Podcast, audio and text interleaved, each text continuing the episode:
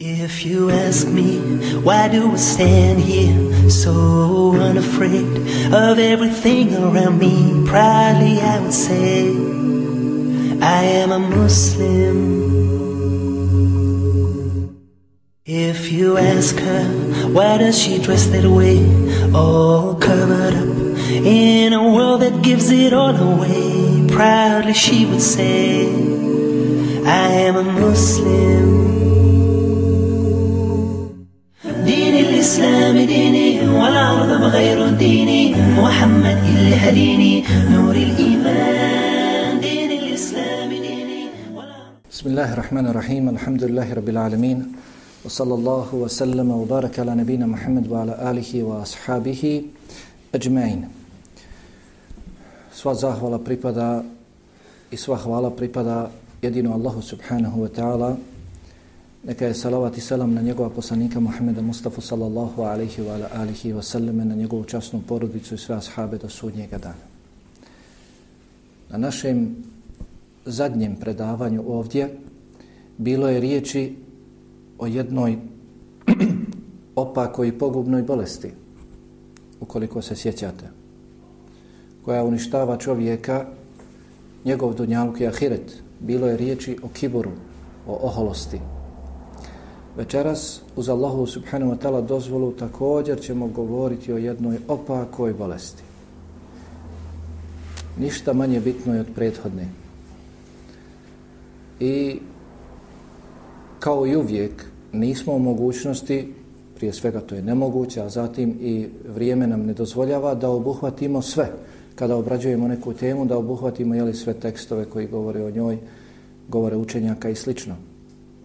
Pa i večeras će biti dakle ova tema i ovo, ovo nekoliko riječi samo postrek nama da se pozabavimo, da se preispitamo, da se obračunamo. I ovo o čemu večeras inša Allahu ta'ala govorimo i savjetujemo jedni druge, govor je za svakoga. Govor je za svakoga. I za alima i za mutalima. I za onoga koji je učen i za onoga koji traži znanje. I za daju i za običnog čovjeka. Od nje, od ove pogubne osobine niko nije siguran. Sigurni su jedino nevjernici. Sigurni su jedino oni koji su zapali u nju i ne bore se s njima, s tim svojim strastima. Dakle, večeras, inša Allah, govorimo o slijedjenju strasti. Itibaul hava. O slijedjenju strasti, prohtjeva ili kako neki kažu čefova. I uglavnom, ono što ćemo spomenuti, uglavnom govorimo o slijedjenju strasti u vjeri, Ne dakle o slijedjenju strasti i prohtjeva po pitanju dunjaluka, prohtjeva po pitanju stomaka i spolnog organa, već uglavnom tekstove koje go, spominjemo i jeli, citiramo ovdje večeras, govore o slijedjenju prohtjeva strasti u vjeri. Strasti su doista veliki čovjekov neprijatelj. Razlog su svake smutnje i svakog, i svakog belaja. Razlog su svakog belaja onaj ko se prepusti svojim strastima, a ostavi se Allahove upute, skrenut će s pravog puta, otići će na stramputicu, spustit će se na nivo. Osobe čiji će postupci biti daleko od razboritosti, pa će činiti loša i prezrena, prezrena djela. Stoga na svakom vjerniku i svakoj vjernici, bio učen ili ne, mnogo učen ili malo učen, na njemu je da se bori sa svojim strastima. Jer nas je Selefu Salih upozorio na to i kako. Pa kaže veliki i učenjak i pobožnjak Ebu Hazim Suleiman Darani rahimahullahu ta'ala bori se sa svojim strastima kako se boriš sa svojim najljućim neprijateljem. Bori se sa svojim strastima kao što se boriš sa svojim najljućim neprijateljem. Omer ibn Abdelaziz rahimehullahu ta'ala je rekao najbolja vrsta borbe jeste borba sa svojim strastima. Sa svojim strastima u vjeri. Oni koji ne shvataju ovo pa se ismijavaju, nisu upoznali i nisu ni shvatili da ih šeitan polahko dakle vodi ovim putem. Ismijavaju se. Zar najbolja borba da bude borba sa svojim strastima? Je li ima neka tamo borba bolja? Ne, ne. Sa svojim strastima. Selef je to davno rekao ono što je bilo dovoljno njima treba da bude dovoljno i nama. Ono što je bilo dovoljno njima treba da bude dovoljno i nama. Ono gdje su oni stali i mi trebamo stati i ne izdizati se iznad njih. Omer ibn Abdelaziz, rahimehullahu ta'ala, je rekao, najbolja borba jeste borba sa svojim strastima. Ne ukrutiš li svoje strasti, ne usmjeruješ ih ka kitabu i sunnetu Allahovog poslanika, alihi saluzam, bojat se da ne budeš od one trojice, jedan od njih je preselio na Allahovom putu, kako je tvrdio, ali nije se borio radi Allaha subhanahu wa ta'ala, nije ukrotio svoje strasti. Slijedio je svoje strasti, svoje prohtjeve u vjeri da se kaže kako je junak, pa će s njim sutra biti potpaljena džehennemska vatra. Asallallahu alaihi wasalam. Sufjan Thavri, rahimahullahu ta'ala, je rekao najsnažniji čovjek jeste onaj koji najviše suzbija svoje strasti. Najsnažniji čovjek jeste onaj koji najviše suzbija svoje strasti. Pa zbog svega ovoga velika je obaveza da progovorimo nekoliko riječi o ovoj temi, o slijedjenju strasti. Ono što također ukazuje na potrebu govora o strastima jeste i činjenica da Allah subhanahu wa ta'ala u svojoj knjizi ogroman broj kuranskih ajta posvetio je tome. Allah subhanahu wa ta'ala onome što je dakle bitno, njemu i posvećuje ogroman govor, zasigurno. Pa kada je on, Allah subhanahu, posvetio ogroman broj kuranskih ajeta, jeli, koji govore o slijedjenju strasti, onda trebamo i mi da posvetimo i odvojimo svoga vremena o izučavanju ove teme, o izučavanju ove teme. Kako kažu, jeli, kaže Ibn Abbas, rahimahullahu, radijallahu talan, kako spominje imam Šatibi u svom dijelu Al-Muwafiqat, nije spomenut ni jedan kuranski ajet, nije spomenut ni jedan kuranski ajet o strastima, a da Allah subhanahu wa ta'ala ne koristi strasti u tom ajetu spominje se 24 kuranska ajeta. 24 kuranska ajeta govore o slijedjenju strasti i kaže Ibn Abbas radijallahu anhuma nije spomenut ni jedan, dakle taj kuranski ajet, a da nije ukorio strasti. Zatim, zbog toga što se malo ko spasio strasti, i vidjet ćemo završcu, malo ko se spasio strasti i zbog toga što se može primijetiti po pokazateljima da čak i učeni ljudi su zapali u ovu bolest. Pa kada učeni ljudi zapadaju kada i njih okupira ova bolest, kada obolijevaju od ove bolesti, onda smo mi daleko preći, dakle, da se preispitamo, da nismo i mi tu negdje. Pa dakle, govorimo večeras o značenju slijedjenja strasti, o, dakle, samoj činjenici, da li čovjek biva kažnjavan samo ukoliko se pojave kod njega strasti ili već nešto drugo, o kuranskim nekim ajetima koji govore o slijedjenju strasti hadisima, kao što je bio, dakle, i prošli puta običaj. Pa kaže se u arapskom jeziku, Dakle, riječ heva u arapskom jeziku ima značenje nečega što čovjek voli, začim pretjerano, začim pretjerano žudi. Kažu heva ima značenje naginjanja, pazite, ima značenje naginjanja, priklanjanja duše prohtjevima u kojima duša pronalazi svoj užitak bez ikakvog šerijatskog dokaza za to. Nema šerijatskog dokaza koji te postiče na to. Dakle, ti sebi pronalaziš ugođaj, duša sebi pronalazi ugođaj, dakle, žudi za nečim kako smatra da će se lijepo jeli, eh, osjećati, međutim, zato nema nikakvog šerijatskog, šerijatskog jeli, povoda niti dokaza. Ibn al-Đavzi, rahimahullahu ta'ala, kaže da je heva naginjanje čovjekove prirode sklonosti prema onome što joj odgovara, s čime se slaže i čime je, sa čime je suglasna. Ibn al-Qaim, rahimahullahu ta'ala, kaže heva jeste naginjanje duše prema nekoj, prema nekoj stvari.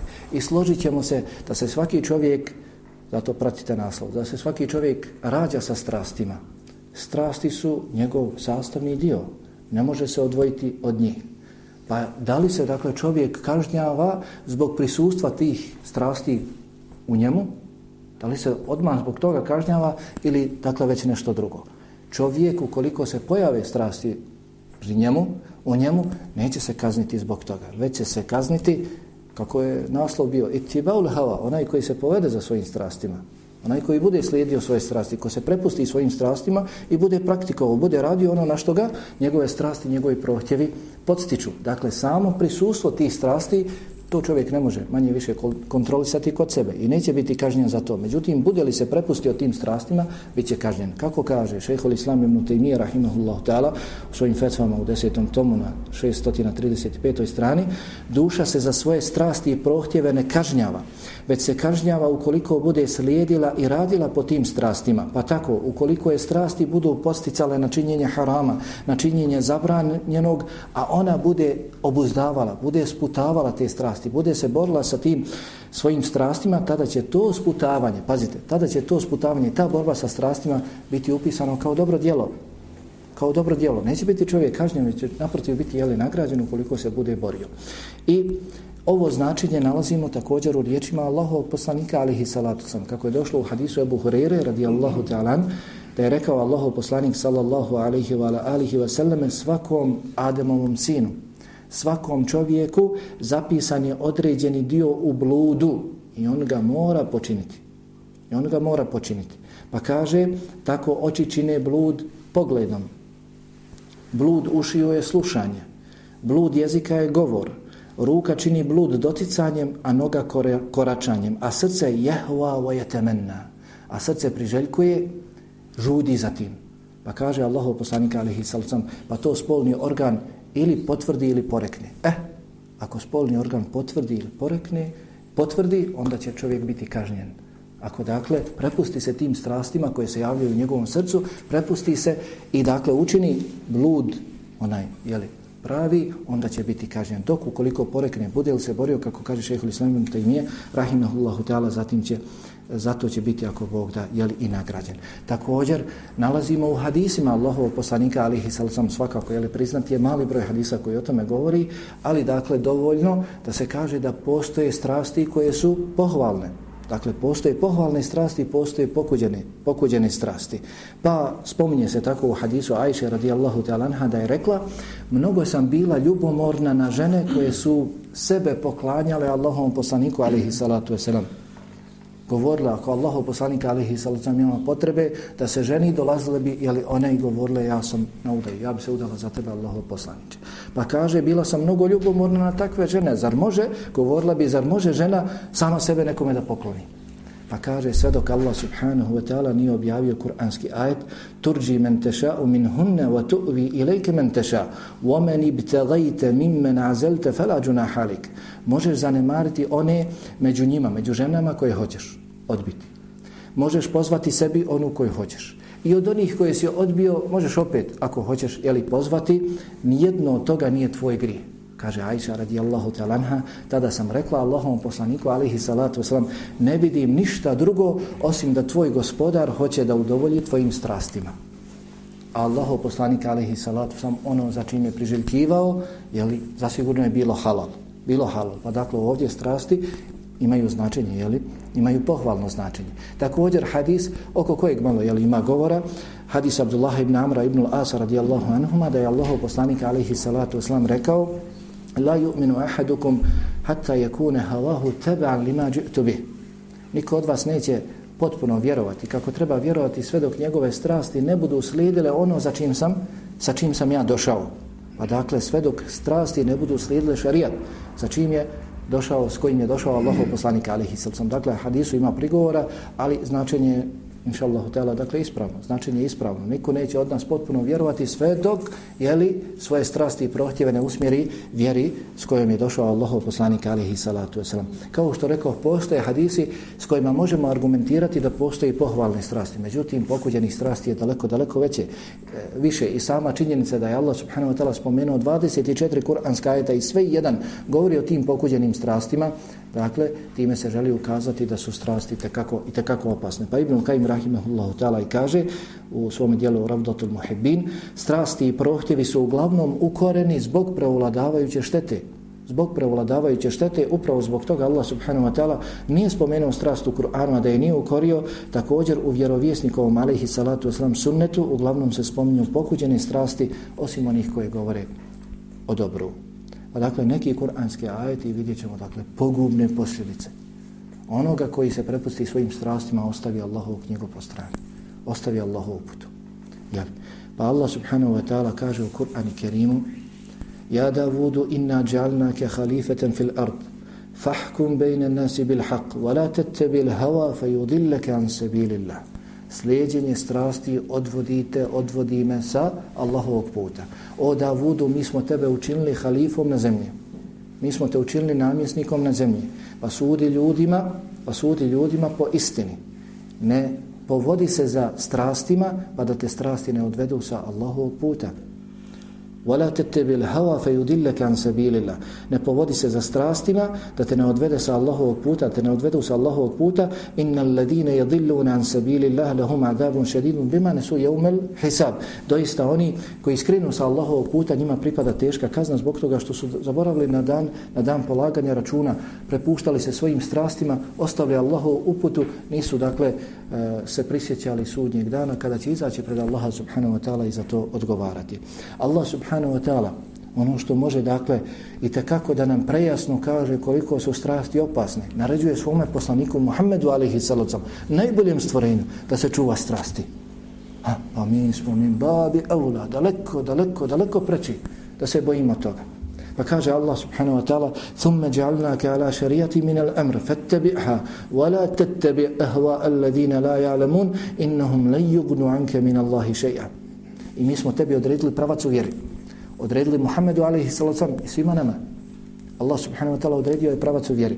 Zato ne povodi se za strastima onih koji ne znaju. Doista ti oni sutra na sudnjem danu ništa neće koristiti. Ostavite Allahovu uputu, ostavite Allahovu knjigu, sunnet Allahovog poslanika, alaihi sallam, povesti se za riječima ovoga ili onoga, smatrati da je znanje u riječima ovoga ili onoga, ostaviti Allahovu knjigu i sunnet Allahovog poslanika, alaihi sallam, taj sutra ti neće ništa moći koristiti. Koristiti Allahova knjiga, koristiti sunnet Allahovog poslanika, alaihi sallam, i na dunjalku, i na ahiretu, to je znanje. Kako kaže Ibn Qayyim, rahimahullahu ta'ala, u svojoj nuni El kafija šafija lil-intisari fi al-firqati nađije al-ilmu eh, kala Allahu wa kala Rasuluhu kala sahabatuhum ulil irfani mel ilmu nasbuke lil khilafi safahatun bejne Rasuli wa bejne qavli fulani. Znanje ono što kaže Allah kala Allah ono što kaže Allah. I što je rekao poslanik i što kažu ashabi komentarčujući Kur'an i sunnet Allahovog poslanika alaihi salacom a nije znanje već je suludost već je ludost glupost da ostaviš se riječi Allahovog poslanika alaihi salatu wasalam, a prihvatiš se riječi fulana ovog ili onog čovjeka.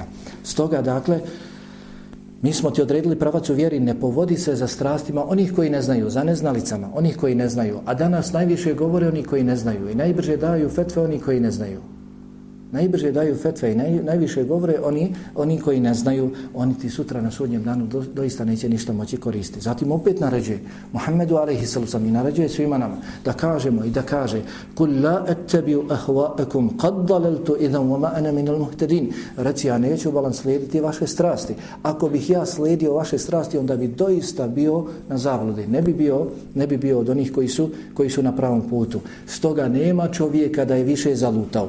Nema čovjeka da je više zalutao od onoga koji slijedi svoje strasti, a ostavi Allahovu knjigu. Ostavi Allahovu putu. Nema čovjeka da je više zalutao. Kaže Allah subhanahu wa ta'ala وَمَنْ أَضَلُّ مِمَّنِ اتَّبَا هَوَا بِغَيْرِ هُدَ مِنَ اللَّهِ إِنَّ اللَّهَ لَا يَهْدِ الْقَوْمِ الظَّالِمِينَ A zar je iko gore zalutao od onoga koji slijedi svoju strast, a ne Allahovu, Allahovu putu? Zar je iko gore zalutao? Allah subhanahu wa ta'ala objavio svoju knjigu, u njoj sve pojasnio. Nema ni jedne stvari da nije dakle izostavljene da Allah subhanahu wa ta'ala nije pojasnio ili u svojoj knjizi ili u sunnetu Allahovog poslanika alaihi sallam koji je također objavljen od Allaha subhanahu objava od Allaha subhanahu wa ta'ala. Ma farratna fil kitabi min šej doista mi u knjizi ništa nismo izostavili. Tako bilo je dovoljno da se kaže vi koji učite arapski jezik ma farratna fil kitabi šej en po pravilima arapskog jezika. Ali Allah subhanahu wa ta'ala rekao ma farratna fil kitabi min šej ama baš ništa nismo u knjizi izostavili. Sve smo pojasnili. Jeli, I poznat su vam riječi Ebu Darda radijallahu talan da je rekao doista Allahov poslanik alaihi sallam nije otišao od nas sve dok nas nije obavijestio i onoj ptici koja se kreće po nebesima.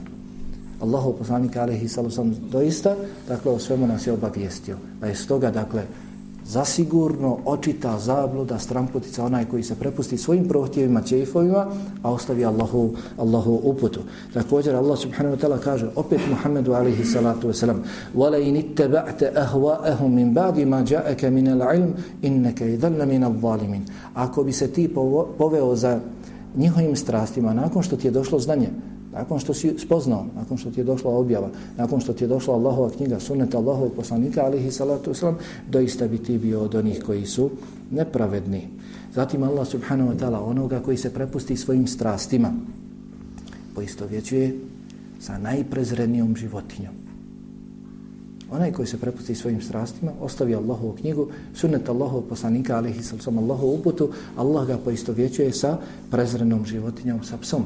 Pa kaže Allah subhanahu wa ta'ala وَلَوْ شِئْنَا لَرَفَعْنَاهُ بِهَا وَلَكِنَّهُ أَخْلَدَ إِلَى الْأَرْضِ وَاتَّبَعْ هَوَا Da smo htjeli, mi bismo ga znamenjima koje smo mu dali mogli uzdignuti na visoke stepene. Međutim, on se prikovao ahlede ila ard, prikovao se za zemlju, mislio da će vječno ostati, zato što ga je povela strast za skupljanjem imetka. Od tebe hava i slijedio, jeli strasti femeteluhu kemetelil kelb, pa je njegov primjer poput primjera psa pa je njegov primjer poput primjera psa.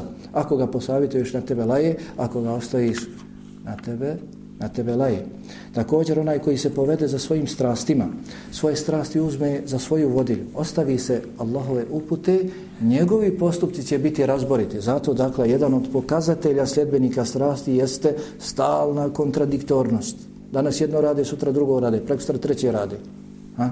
Oni koji se prepuste svojim strastima, ostave jasne dokaze iz Allahove knjige i suneta Allahovog poslanika, alihi salucan, njihovi postupci će biti zasigurno daleko od razboritosti. Kako kaže Allah subhanahu u suri Al-Kef, وَلَا تُطِعْ مِنْ أَغْفَلْنَا قَلْبَهُ عَنْ ذِكْرِنَا وَاتَّبَا هَوَا وَكَانَ أَمْرُهُ فُرُطًا I ne slijedi onoga čije, čije srce nehajno prema našem spomenu, čije smo srce učinili nehajnim prema nama, prema našem spominjanju i koji slijedi strasti, pa su stoga njegovi postupci daleko od razboritosti. Onaj koji slijedi svoje strasti može doći do tolikog stepena, do tog stepena, da tu svoju strast uzme za svoga Boga. Da tu strast uzme za svoga Boga. Potpuno ostavi Allahovu putu. Allah nešto naredi, ne, ne, on sluša svoju strast. Kako kaže Hasan al-Basri, rahimahullahu ta'ala, to je primjer licemjera koji ništa ne poželi, a da ne uradi. Nema prepreke, nema granice, nema bogobojaznosti, nema imana, da ga iman spriječava. Što god poželi, to i uradi. A kaže Allah subhanahu wa ta'ala, أَفَرَأَيْتَ مَنِ اتَّخَذَ إِلَهَهُ هَوَا Jesi li vidio onoga, zar nisi vidio onoga koji je svoju strast uzeo za svoga, svoga Boga. Stoga prelijepo kaže jedan veliki islamski učenjak koji ima prvu i najljepšu, najbolju knjigu iz Tevhida, El Uluhije, imam Ahmed ibn Ali El Makrizi Šafiji, rahimahullahu ta'ala, kada govori o ovom ajetu pa kaže ako razmisliš, shvatit ćeš da onaj koji obožava kipa, ne obožava kipa, već obožava svoju strast obožava svoje strasti. Koje ga postiču na to? On obožava svoju strast kojega, ga, ga postiču, postiču na to. Neki hadisi koji govore jeli, o slijedjenju strasti i pogubnostima slijedjenja, slijedjenja strasti. Ebu Berze al-Eslemi radijallahu talan prenosi da je Allahu poslanik alihi salatu wasalam rekao doista ono čega se najviše bojim po vas jesu prohtjevi vaših stomaka i spolnih organa i zabludjele strasti. Prohtjevi na dunjaluku i zabludjele strasti po pitanju vjere. Prohtjevi po pitanju stomaka i spolnog organa i strasti po pitanju vjere. Toga se Allahu poslanik alejhi salatu selam najviše za nas bojao i kako kaže šeh Albani rahimahullahu ta'ala hadis je vjerodostojan. U hadisu Enesa ibn Abbas radijallahu anhuma Allahu poslanik alihi salatu wasalam kaže tri stvari upropaštavaju čovjeka. Tri stvari su upropaštavajuće. Pa kaže prevelika skrt, škrtost ili pohlepa, zatim strast koja se slijedi i samo zadivljenost. Samo zadivljenost. To dakle čovjeka uništava njegova djela. Pohlepa, prevelika pohlepa, strast koja se slijedi, pohlepa koju se čovjek pokorava. Strast, strast koju slijedi i samo zadivljenost, umišljen, umišljenost sobom, samo dopadanje. Ebu Jala Šedad ibn Aus radijallahu talam prenosi da je Allahu poslanik alihi salatu wasalam rekao nesposoban je onaj čija duša bude slijedila svoje strasti. On je nesposobnjaković, koji se prepusti svojim strastima. Također, brojni su govori Selefu Saleha, naših ispravnih prethodnika, o strastima. Pa kaže Alija radijallahu talan, najviše čega se bojim po vas jesu duge nade i slijedjenje strasti. Jesu duge nade i slijedjenje strasti. Što se tiče dugih nada, one zaboravljaju čovjeka na ahiret, a strasti čovjeka odvode s pravog puta. Duge nade, danas ću, sutra ću, sutra ću, sutra ću. Odvode od ahireta, ništa čovjek ne priprema se za ahiret, ne radi za ahiret, dok, dakle, strasti čovjeka odvode sa pravog puta. Sehl ibn Abdillah Testori, rahimehullahu ta'ala, je rekao, strasti su tvoja bolest. Budeš li se borio s njima, to će biti tvoj lijek. To će biti lijek za tebe. Jahe ibn Maz, rahimehullahu ta'ala, je upitan koji čovjek ima najčvršću odluku. Koji je to čovjek sa najčvršćom odlukom, pa je rekao onaj koji se najviše bori sa svojim strastima onaj koji se najviše bori sa svojim strastima. Hasan al-Basri, rahimahullahu ta'ala, je rekao, strast je najgora bolest koja se može naći u srcu vjernika. Strast je najgora, najgora bolest koja se može naći u srcu vjernika. Prelijepe riječi rekao je Ebu Bekr al-Warraq, rahimahullahu ta'ala. Kaže, kada nadvladaju strasti, srce pocrni. Kada strasti okupiraju čovjek, njegovo srce pocrni. A kada srce pocrni, njegova prsa postanu tjesna, tjeskoba. A kada prsa postanu tjesna, onda dolazi do lošeg ponašanja. Nikomu ne valja. Onda se loše obhodi prema drugim ljudima. A kada dođe do lošeg ponašanja prema stvorenjima, tada oni njega preziru. A kada ljudi počnu njega prezirati, on počne njih prezirati.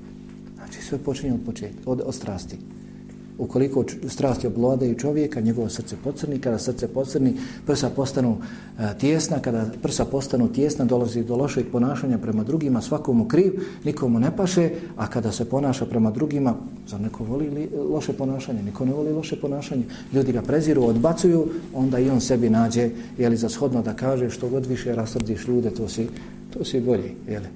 Pogrešno, pogrešno razumijevanje, razumijevanje velikih šehova.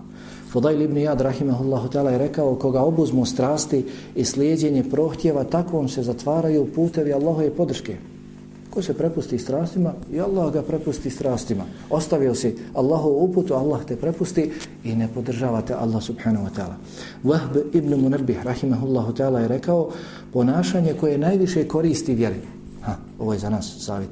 Ponašanje koje najviše koristi vjeri ili za vjeru ili u vjeri, jeste skromnost na dunjalku da budeš skroman, da budeš ponizan na dunjaluku.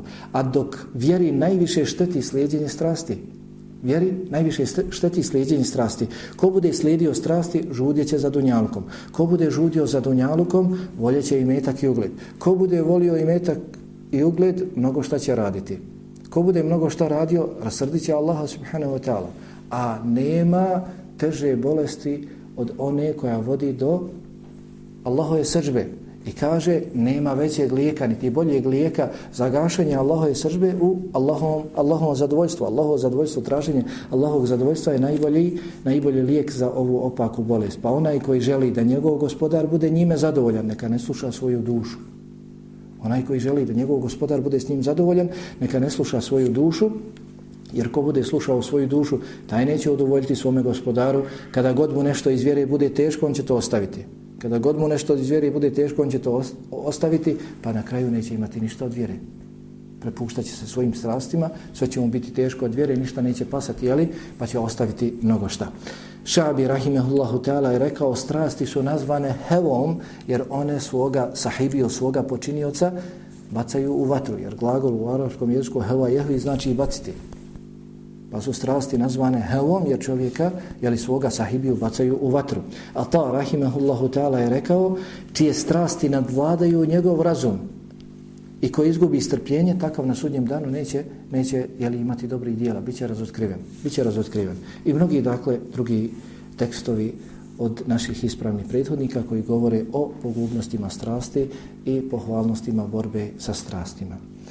Mnogo je razloga zašto ljudi slijede svoje strasti, a ostavljaju Allahu uputu. Mnogo je razloga. Pa ovom prilikom spominjemo samo neki. Ha, za sve nas, očeve i majke, nenavikavanje na sputavanje strastih prohtjeva od malena. Ne navikavamo svoju djecu da sputavaju svoje strasti i prohtjeve od malena. Dakle, ovo je možda više vezano za one strasti i prohtjeve po pitanju Dunjaluka. Ništa dijete ne poželi, a da mu babo ne ugodi. Što god dijete zatraži, majka traži od svoga jeli, supruga da to obezbijedi. Ha, pa kad dijete prespava saba, naklanjaće. Dijete traži neku igračku da mu se kupi, igračka se obavezno kupuje. Ne gleda se u njen izgled, niti se gleda u tamburu koja tambura iz nje, muziku. Dakle, a kada su u pitanju dobra djela, hajde, ima vremena, postiće, vidimo Allahov poslanika alihi salatu wasalam da nas postiče da već od sedme godine djecu postičemo na namaz. A da u desetoj godini malo i pucnemo ako ne budu htjeli da obavljaju namaz. Vidimo ashabe Allahov poslanika alihi salatu sam da su posticali svoju dječicu na post, ili tako? Da su zajedno dječica postila s njima. Pa kada bi se približilo vrijeme iftara, a oni mnogo ogladnuli, počeli plakati, oni bi im davali nešto da se jeli zaigraju nečim, samo da bi ispostili do kraja. Dok dakle, kod nas mnogi ne ude računa o ovome, što god poželi dijete, dadnimo. Dadnimo, hajde ima vremena. Jer, zatim, zasigurno, sjedenje i druženje sa sljedbenicima strasti. Sjedenje i druženje sa sljedbenicima strasti odvešće čovjeka da i on slijedi strasti. Naročito ako nema znanja. Naročito ako je slaba ličnost. Naročito ako nema svoga stava. Nema dakle mišljenja. Nije pred nekim učio određena pitanja. Bude li sjedio, bude li se miješao sa onima, zehro malo smanji. Ne bude li, e, dakle, odlazio od njih, već bude sjedio s njima sa sljedbenicima strasti i on će početi slijeti, za sigurno strasti. Zato nalazimo sa lajk morsele, zato nalazimo jeli, granate i e, jeli, naj, naj, najveće jeli, oružje islamskih učenjaka, naših ispravnih prethodnika, kako nas upozoravaju na, na sjedinje sa sljedbenicima strasti. Ha, pa kaže Ibn Abbas radijallahu anhuma, ne sjedi sa sljedbenicima strasti, jer sjedinje s njima umrtvuje srce. Ne sjedi s njima, jer to umrtvuje srce. Ibrahim Nahaj Rahimahullahu ta'ala je rekao, ne sjedite sa sljedbenicima strasti, jer doista sjedenje s njima. Ha, doista sjedenje s njima doprinosi odlasku svjetlosti imana i srca. Odlasku također nura sa lica i pojave mržnje u srcima jednog prema drugom. I mi smo svjedoci toga, je tako? Doista, sjedenje s njima doprinosi odlasku svjetlosti imana i srca, ljepote nura s lica i dovodi do pojave mržnje u srcima vjernika. Ebu Kilabe, rahimahullahu ta'ala, je rekao, ne sjedite sa sljedbenicima strasti i ne raspravljajte s njima. Oni jedno ti dvi, oni jedno ti dvi. Nije to od sunneta. Od sunneta je da niko ništa ne progovara s takvima. Ne sjedite sa sljedbenicima strasti i ne raspravljajte s njima, jer vam ja ne garantujem da vas oni neće odvesti u svoje zablude ili će vam pomutiti ono što ste do tada imali od vjere. A nemaš znanja, a nemamo mnogo znanja. Ha, pozabavi se Allahom knjigom. Nek ti Allahova knjiga bude najveća briga na dunjaluku. I da, dakle, što god možeš više učiniš od ibadeta i što god možeš ljepše da učiniš i da hizmetiš drugim ljudima, ha, a ostavi se rasprava, pogotovo rasprava u vjeri. Musa'ab ibn Sa'd, rahimahullahu ta'ala, je rekao, govori o našoj stvarnosti. Ne sjedi s onim koji je iskušan strastima, doista te neće mi mojići jedna od ove dvije stvari. Desit se nešto, jedno od ovoga dvoga, ili će te zavesti pa ćeš ga slijediti, ili će se fizički obračunati s tobom na kraju. Ili će te zavesti pa ćeš ga slijediti, ili će ti prijetiti da te negdje mrak ne pojede. Jeli? Zato se Dakle, ne sjedi s njima, ne raspravljaj s njima. Ebul Džavza, rahimahullahu ta'ala, je rekao da mi komšije budu majmuni i svinje draže mi je nego da mi komšije budu sljedbenici strasti. Da mi komšije budu majmune i svinje draže mi je nego da mi komšije budu sjedbenici strasti. Abdullah ibn al-Busri, rahimahullahu ta'ala, je rekao nije sunnet kod nas da sljedbenicima strasti uzvraćamo na svaki njihov govor. Nije sunnet kod nas da sljedbenicima strasti uzvraćamo na svaki njihov govor, već je sunnet kod nas da s njima niko ne progovara. Već je sunnet kod nas da s njima niko ne progovara. Također, Ejube Sehtijani, rahimahullahu ta'ala, je rekao, ne znam da im mogu bolje i ljepše odgovoriti od šutnje. Bolje i ljepše i teže po njih odgovoriti od, jeli, od, od šutnje. Sa šutnjom najbolje im odgovara. Uglavnom, kada se vratimo tamo na govore islamskih učenjaka o tim pokazateljima sljedbenika strasti, oni koji slijede ili strasti u vjeri, nalazimo otprilike nekih desetak pokazatelja. Pa, dakle, zasnivanje prijateljstva i neprijateljstva, ljubavi i mržnje na onome na čemu to nije zasnovao Allah subhana i njegov poslanik Muhammed alaihi salatu wasalam. Pa te volim, pa me voliš zbog nečega tamo.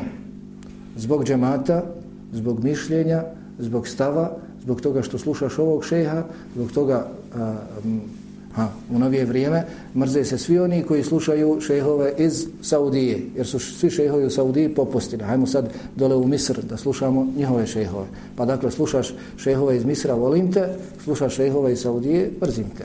Ha, zasnivanje prijateljstva i neprijateljstva, ljubavi i mržnje na nečemu na čemu Allah subhanahu wa ta'ala nije zasnovao prijateljstvo i neprijateljstvo. Žestoko su prostavljanje. Žestoko su prostavljanje na isto mišljeniku ismijavanje, grdnja koji prelaze svaku granicu. Raspravljanje bez granica. Riječi neisto mišljenika razumijevaju se kako oni hoće. Oni razumijevaju riječi svoga neisto mišljenika kako oni hoće. Ne pitaju šta se htio reći. A nalazimo u govorima Selefa, u govorima priznatih i poznatih učenja kada to ne može tako. Da to ne može tako. Već ukoliko se čuo neke riječi od svoga i neistomišljenika, moraš da budeš pravedan. Jer tako, je, je od pravde, ha, možda treba i pojasniti ovaj termin vahabizam, jel? jer je od pravde kada govorimo o nekome da čujemo što on kaže o sebi, a ne da mi o njemu govorimo. Je li tako? Da čujemo šta on kaže o sebi. Pa ukoliko on neke riječi rekao, a one su dvosmislene, treba da pitamo šta je htio s tim riječima. On najbolje zna šta je htio, a ne da se mi upuštamo i kažemo, ne, ne, on je htio ovo, on je mislio tako. Ako je mislio tako i tako, onda je takav i takav. Ne, ne. Ako je nešto rekao, to je dvosmisleno, pitamo njega. I što on kaže, da je mislio tim svojim riječima, tako je. Makar mi htjeli, ha, to nije bilo ono drugo da ga odčepim što prije. Jel? Ne čovjek kaže tako i tako i gotovo kako spominje šeh, šeh Muhammed ibn Salih Lusemina u svome vrijednom dijelu Kavajdul Musla. Jeli, ako čovjek kaže tako je, tako je. Ako kaže drugačije, tako je. Jedino kaže problem je ako čovjek kaže pa umre, a njegov govor je dvosmislen. Šta ćemo sada? Kaže ništa. Ostaviš govori gotovo. Nemoj se baksiti njegovim riječima. Ne možeš ga pitat, ne možeš saznat šta je čovjek mislio, ostavi to po strani. Ne? Upuštaj se u to. Dok dakle ovi razumijevaju onako, onako kako hoće i uzimaju iz njihovih govora ono što hoće. Stoga dakle stalna kontradiktornost iz dana u dan. Pa je također od pokazatelja istraživanje grešaka, ispitivanje, provjeravanje s ciljem, dakle, provjeravanje učenih ljudi, dolazak na predavanje, na dersove, na hudbe i samo, dakle, bilježenje grešaka, da se, jeli, ova ili onaj što prije, jeli, odbaci, kako bi se oni sljedbenici strasti izdigli iznad njih. U svojim govorima malo koriste jasne dokaze. U svojim govorima malo koriste jasne dokaze. Ako koriste dokaze, možda dokaz ili u većini slučajeva ne govori o tome. Pa nam govore o mesčidima, koriste dokaze o musallama, ili tako? Govore na mešidima i pokrepljuju mešćide, a koriste dokaze, jeli o musallama i kažu odgovor smutljivcima, a da se uzmu svi ti tekstovi i da se e, pro, pronađe izvor tih tekstova, onda bi se vidjelo ko je smutljivac. Onda bi se vidjelo ko je smutljivac. Koriste dokaze, nisu jasni u vjeri. Nisu jasni dokazi. Ako ne slušaju učene ljude, ako slušaju učene ljude, opet oni te njihove riječi razumijevaju kako oni hoće.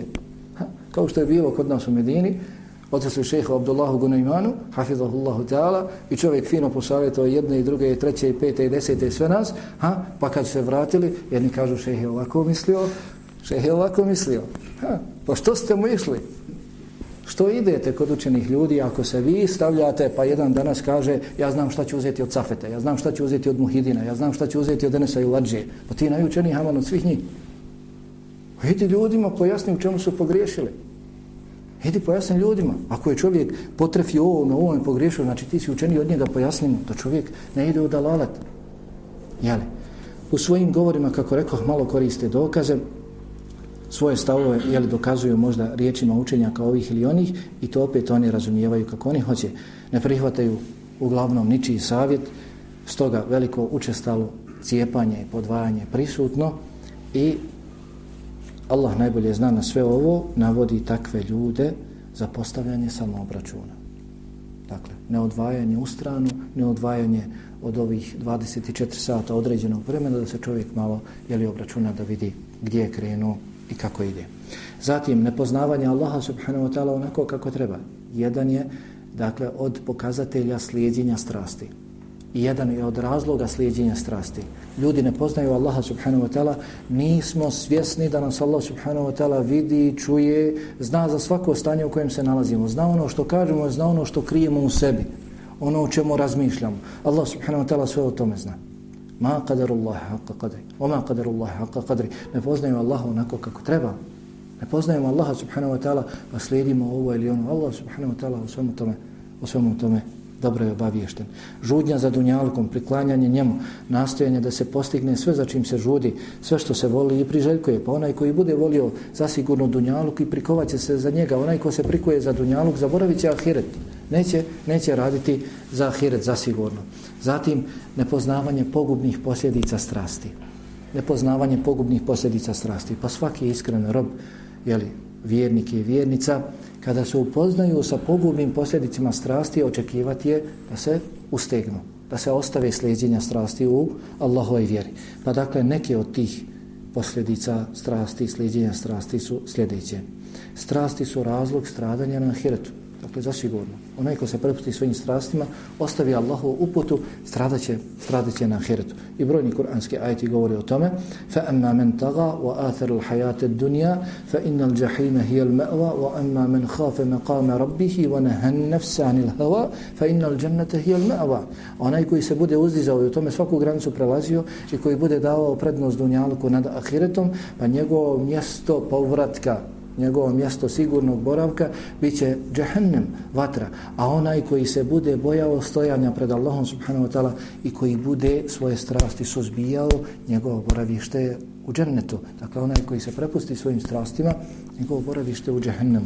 Također, Allah subhanahu wa ta'ala, kako smo čuli, rekao je وَلَا تَتَّبِ أَهْوَا الَّذِينَ لَا يَعْلَمُونَ إِنَّهُمْ لَنْ يُغُنُ عَنْكَ مِنَ اللَّهِ شَيْعًا Ne slijedi strasti onih koji ne znaju, to je ti oni sutra na sudnjem danu neće moći ništa koristiti nećete moći spasti jeli kazne sutra na sudnjem danu. Stoga je Muhammed ibn Abi al-Ward rahimahullahu ta'ala rekao doista kod Allaha postoji dan u kojem se neće spasiti Allahove kazne onaj ko se bude prepustio svojim strastima. Strasti odvode iz pravog puta kako smo čuli وَلَا تَتَّبِ هَوَا فَيُدِلَّكَ عَنْ سَبِيلِ Ne povodi se za strastima pa da te odvedu sa Allahovog puta. Za rijeko gore zalutao od onoga, skrenuo sa Allahovog puta na stramputicu od onoga koji slijedi svoje strasti. Strasti su razlog neuzimanja pouke iz Kur'ana Kerima i sunneta Allahovog poslanika alihi sallam, neokorištavanja, da čovjek sledi svoje strasti, ne osvrće se na Allahovu knjigu, niti sunnet Allahovog poslanika alihi sallam, ukoliko, dakle, ponekad i uzme, strasti su zaslijepile njegovo srce. Hm. Kaže Allah subhanahu wa ta'ala, opasan ajed, وَمِنْهُمْ مَيْ يَسْتَمِيُوا إِلَيْكَ ومنهم من يستمع إليك حتى إذا خرجوا من عندك قالوا للذين أوتوا العلم ماذا قال آنفا trebamo se svi pobojati. I od njih ima onih koji te slušaju. A kada izađu, pitaju one kojima je dato znanje što ona je malo prije reče. Što ona je malo prije reče. To su oni kojima je Allah zapečatio srce i koji slijede svoje strasti. Allah zapečatio srce zbog čega? Zbog toga što slijede strasti. Zbog toga što slijede strasti, Allah zapečatio srce, pa ništa i ne razumijeva iz kitaba i sunneta. Opasan kuranski ajed opasan kuranski ajet. Od njih ima oni koji te slušaju, kada izađu, kao, ovo ništa nisam skonto. O čemu onaj priča? Dođu, znate već ko, prvo predavanje, ti govoriš o, o ihlasu, ti govoriš o jekinu. Nije to za nas, daje nešto. Ha? Nije to za nas, a to su bitne teme, to su najbitnije teme. Čovjek, o, o, o, kako su govorili islamski učenjaci, da nam je učenih ljudi, da na kojem god među su sjednu, da govore samo o iskrenosti, da govore samo o nijetu, jer to je najbitnije u našem životu. Jekin, čvrst iman, čvrsto objeđenje. Kada je upitan Allahov poslanika alihi sal samo najboljem dijelu, rekao je imanu la šaka fi, iman u kojem nema nimalo sumnje. E to je dakle nama najprioritetniji. Pa dakle ne možeš preskakat, otići na 73. stepenicu, a nisi dole osnovu izgradio kod sebe. Strasti upropaštavaju srce i postavljaju se između njega i njegova spasa, kako kaže Ibn Qaim Rahimahullahu tela prelijepe riječi. Srce se neće spasiti u potpunosti, sve dok se ne sačuva pet sljedećih pojava. Širka koji uništava teuhid, novotarije koja se suprostavlja sunnetu, prohtjeva koji se suprostavljaju naredbama Allaha subhanahu, nemara koji se suprostavlja zikru, sjećanju Allaha subhanahu wa ta'ala i strasti koji se suprostavljaju potpunom posvećivanju svome, svome gospodaru. Ovih pet pojava prepreka, ovih pet pojava su prepreke do Allaha subhanahu wa ta'ala i svaka ova pojava ima svoje podvrste koje se ne mogu pobrojati, stoga je velika potreba čovjeka naprotiv nužda da moli Allaha subhanahu wa ta'ala da ga uputi na pravi put jer mu ništa neće jeli, koristiti, ništa mu neće biti potrebnije od toga. Zatim strasti upropaštavaju čovjeka, kako smo čuli, kaže Allahov poslanik alihi salatu sam, tri stvari čovjeka upropaštavaju, pohlepa, strasti i samozadivljenost. Neprimjetni odlazak imana. Neprimjetni odlazak imana. Čovjek se busa, čovjek misli ko je on je, a dakle i ne primjećuje kako ga šetan polahko odvodi na stran potice. Rekao je jedan od e, naših ispravnih prethodnika, četiri pojave odvode u nevjerstvo, četiri pojave odvode u nevjerstvo, sržba, strasti, žudnja i strah. Sržba, strasti, žudnja i strah. Zatvaraju mu se vrata Allahove podrške. Zatvaraju se takvome koji se prepusti strastima, ostavi Allahu uput, Allahu knjigu i sunnet Allahu poslanika, alihi salatu sam, njemu se zatvaraju vrata Allahove podrške, jer ne slijedi kitab i sunnet kako da ga Allah subhanahu wa ta'ala podržava. Kaže Allah subhanahu u onom opasnom ajetu afara'ayta man ittakhadha ilahahu hawa wa adallahu Allahu ala ilm wa khatama ala sam'ihi wa qalbihi wa ja'ala ala basarihi ghishawa faman yahdihi min ba'di Allah afala tadhakkarun Jesi li ti vidio onoga koji je svoju strast uzeo za svoga Boga? Pa ga je Allah subhanahu wa ta'ala pravedno sa znanjem o njemu ostavio na stran putici. Pa je njegove uši začepio, njegov dakle sluh je začepio, zapečatio, njegovo srce je zapečatio, na njegov vid, na njegove oči je postavio koprenu, ko će to njega uputiti ako ne Allah? Zašto ne dođete pameti? Slijedite strasti ha, i da očekujete podršku od Allaha subhanahu wa ta'ala, da vas Allah subhanahu wa ta'ala i dalje drži na pravom putu? Ne, nikada. Stoga, dakle, također strasti su razlog uvođenja novina u vjeri. Neminovno, neminovno. Onaj koji ne bude slijedio kitab i sunnet, bude se prepustio svojim strastima, taj će uvoditi novine o vjeri. Kako kaže Hamad ibn Abi Seleme, rahimahullahu ta'ala, pričao mi je moj šeh od jednog grafidije koji je prihvatio, povratio se, prihvatio islam. Pričao mi je moj šeh od jednog grafidije da mu je pričao u to vrijeme, u tom zemanu kad je bio, kaže kada bismo se sjeli, kada bismo sjeli i neku stvar razgovarali, neku stvar zaključili lijepom, onda bismo o njoj izmislili hadis kada bismo sjeli, pričali i nešto zaključili da je to dobro, lijepo, ugođaju u tome, a duša uživa u tome, onda bismo izmislili, onda bismo izmislili hadis o tome. Strasti su razlog prezira, poniženja od strane, od strane drugih, drugih ljudi. Ha, pa vi koji učite arapski jezik, znate da u arapskom jeziku za prezrenost se koristi termin sličan. Hevane. Hevane Pa kažu učenjaci arapskog jezika malo jeli, iz šale, prezr, prezrnost, poniženje ukralo je od strasti onaj nun. Za strast se kaže heva, a za poniženje se kaže hevan. Kaže, pa ko bude slijedio strasti, doće i do onog nuna. Ha, na kraju će dobiti onaj harf nun. Dakle, bit će prezren, bit će ponižen. I čuli smo, dakle, riječi Ebu, Be, Ebu Bekra al-Varaka, rahimahullahu tela, koji kaže, kada srce, kada strasti okupiraju srce, srce potamni, zatim prsa postanu tjesna, zatim dođe do lošeg ohođenja prema ljudima, zatim ga ljudi preziru, zatim i on, i on prezire ljude. Stoga, dakle, na svima nama je da se dobro Dakle, obračunavamo da vodimo računa o sebi, da se preispitujemo da li u svakom našem pitanju, vjerskom pitanju, sledimo Allahov kitab, da li se vraćamo na sud Allaha subhane i njegovog poslanika Muhammeda alihi salocom ili na sud svojih, svojih strasti. Pa dakle, onaj zasigurno ko ostavi strasti, a bude slijedio Allahu uputu, bit će postojan u svojoj vjeri, sačuvat će se stramputica, sačuvat će se uvođenja novina u vjeri, spasit će se na dunjalku, neće biti prezren od strane ljudi, neće da ljudi jeli ponižavati, omalovažavati i sutra zasigurno na ahiretu će se, inša Allah, htjela, ako Bog ne jeli spasiti, ući u džennet ko se bude suprostavljao sa svojim strastima, sa svojim jeli strastima. Pa e, nekoliko načina borbe sa strastima jeli, i liječenja ove opake bolesti zasigurno veličanje Allaha subhanahu wa ta'ala i svjesnost Allaha subhanahu wa ta'ala u svakom vremenu i svakoj situaciji. Ha? Da veličamo svoga gospodara, da smo svjesni svoga gospodara, da znamo da nas Allah subhanahu wa ta'ala jeli, nadgleda, prati, da zna dakle sve od nama, ma gdje se nalazili, u kojem vremenu živjeli, na kojem mjestu, na kojem mjestu boravili. Allah subhanahu wa ta'ala dakle poznaje nas dobro. Pa što god želimo da kažemo, što god želimo da uradimo, hoćemo li uraditi po Allahove knjizi ili ćemo uraditi po svojim strastima, Allah subhanahu wa ta'ala je obaviješten o tome i Allah subhanahu wa ta'ala dobro to zna. Zatim ispunjavanje srca onim što je suprotno strastima.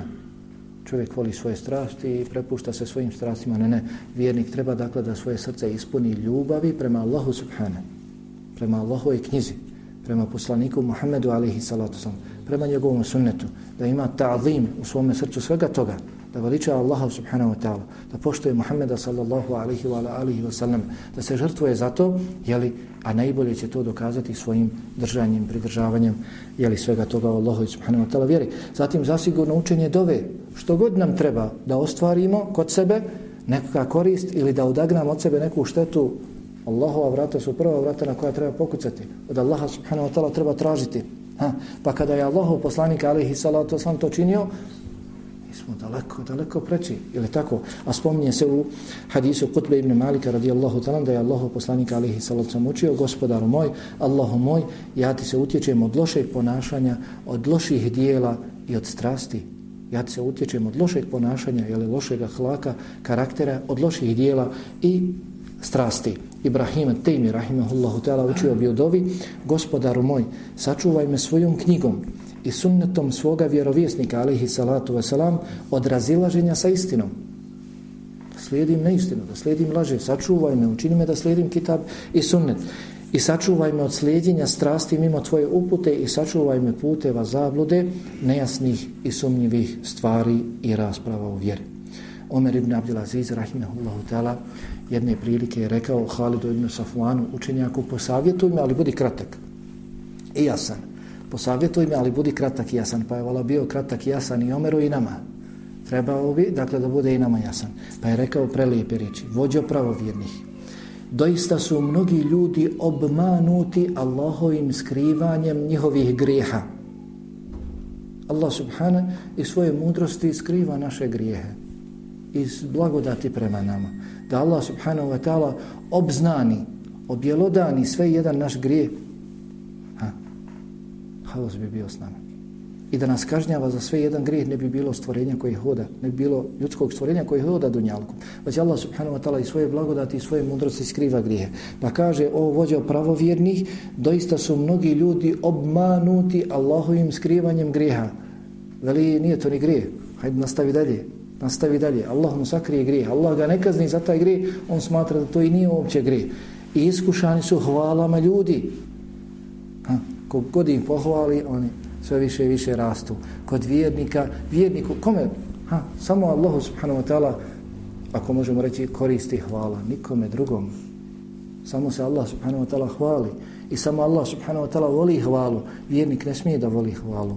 Treba da se čuva toga. Hvala ga može uništiti. Allah subhanahu wa ta'ala jedini, dakle, voli hvalu i jedini zaslužuje. Zbog toga je svoju knjigu i otpočeo. Alhamdulillah. Alhamdulillahi rabbil alamin. I sve i počinje i završava sa hvalom, jel tako? Na sudnjem danu kada bude presuđeno reći se Alhamdulillah. Ha?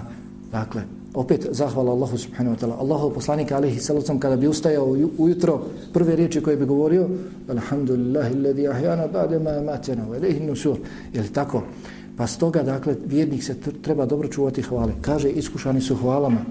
Zato, ova je prelijepa rečenica, zato ne dozvoli da neznanje drugih ljudi o tebi prevlada tvoje znanje o tebi.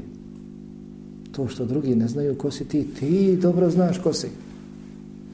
To što drugi ne znaju ko si, nemoj da se time bodriš. Ti dobro znaš, kad se zatvoriš među četiri zida, osamiš sa svojim gospodarom, znaš ko si.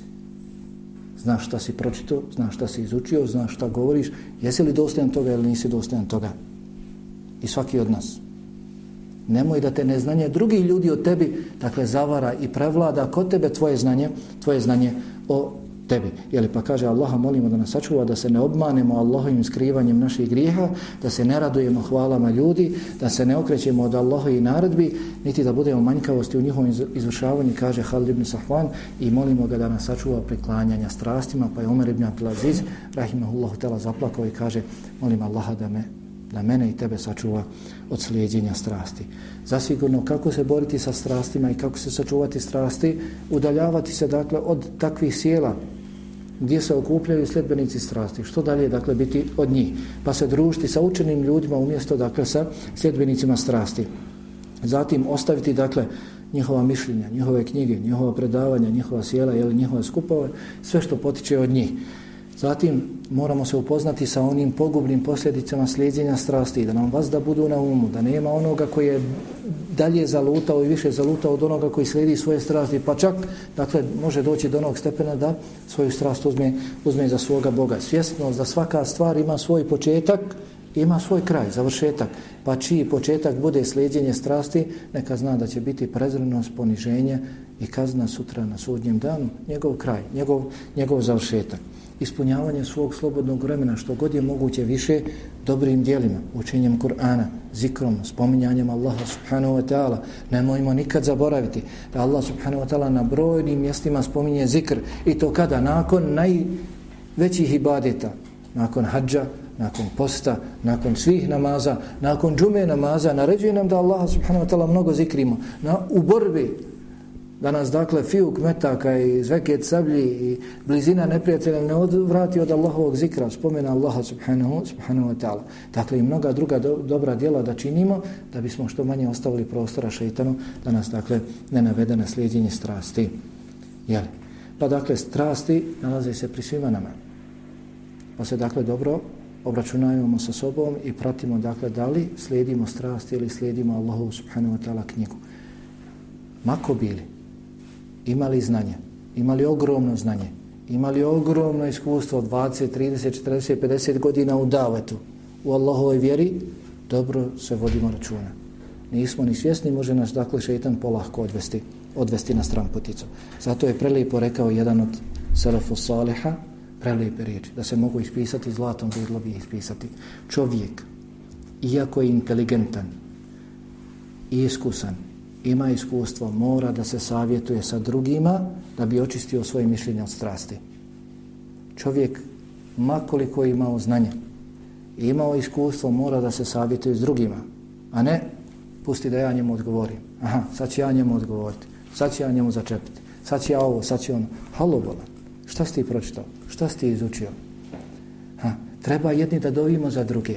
Kada vidimo velike imame, Ahmed Rahimahullah htjela neprestano spominjao Šafiju, pa mu njegova djeca kažu, zbog čega toliko spominje Šafiju? Što spominješ? Pa kaže, primjer Šafije u ovome ume, to je poput primjera sunca na Dunjaluku. Ebu Jusuf Rahimahullah htjela često u namazu, u namazu bi dovio gospodara oprosti meni mome ocu Allahumma gfirli vali ebi vali ebi Hanife. Oprosti meni mome ocu i Ebu Hanife. Ha, dok mi jedan drugom samo gledamo kako ćemo jeli, odgovoriti. Makoliko je imao znanje i bio iskusan u davetu, mora se savjetovati sa drugima da bi očistio svoje e, mišljenje od slijedjenja strasti. Pa Allah subhanahu wa ta'ala molim da nas sačuva ove opake bolesti, uništavajuće bolesti, da nas pomogne u suprostavljanju strastima i borbi s njima, da nas pomogne na slijedjenju Allaha subhanahu wa ta'ala knjige i sunneta njegovog poslanika, alihi salatu wasalam, da nas sačuva stradanja i na dunjalku i na ahiretu. دين الإسلام ديني والعرض بغير ديني محمد اللي هديني نور الإيمان دين الإسلام ديني والعرض بغير ديني محمد اللي هديني نور الإيمان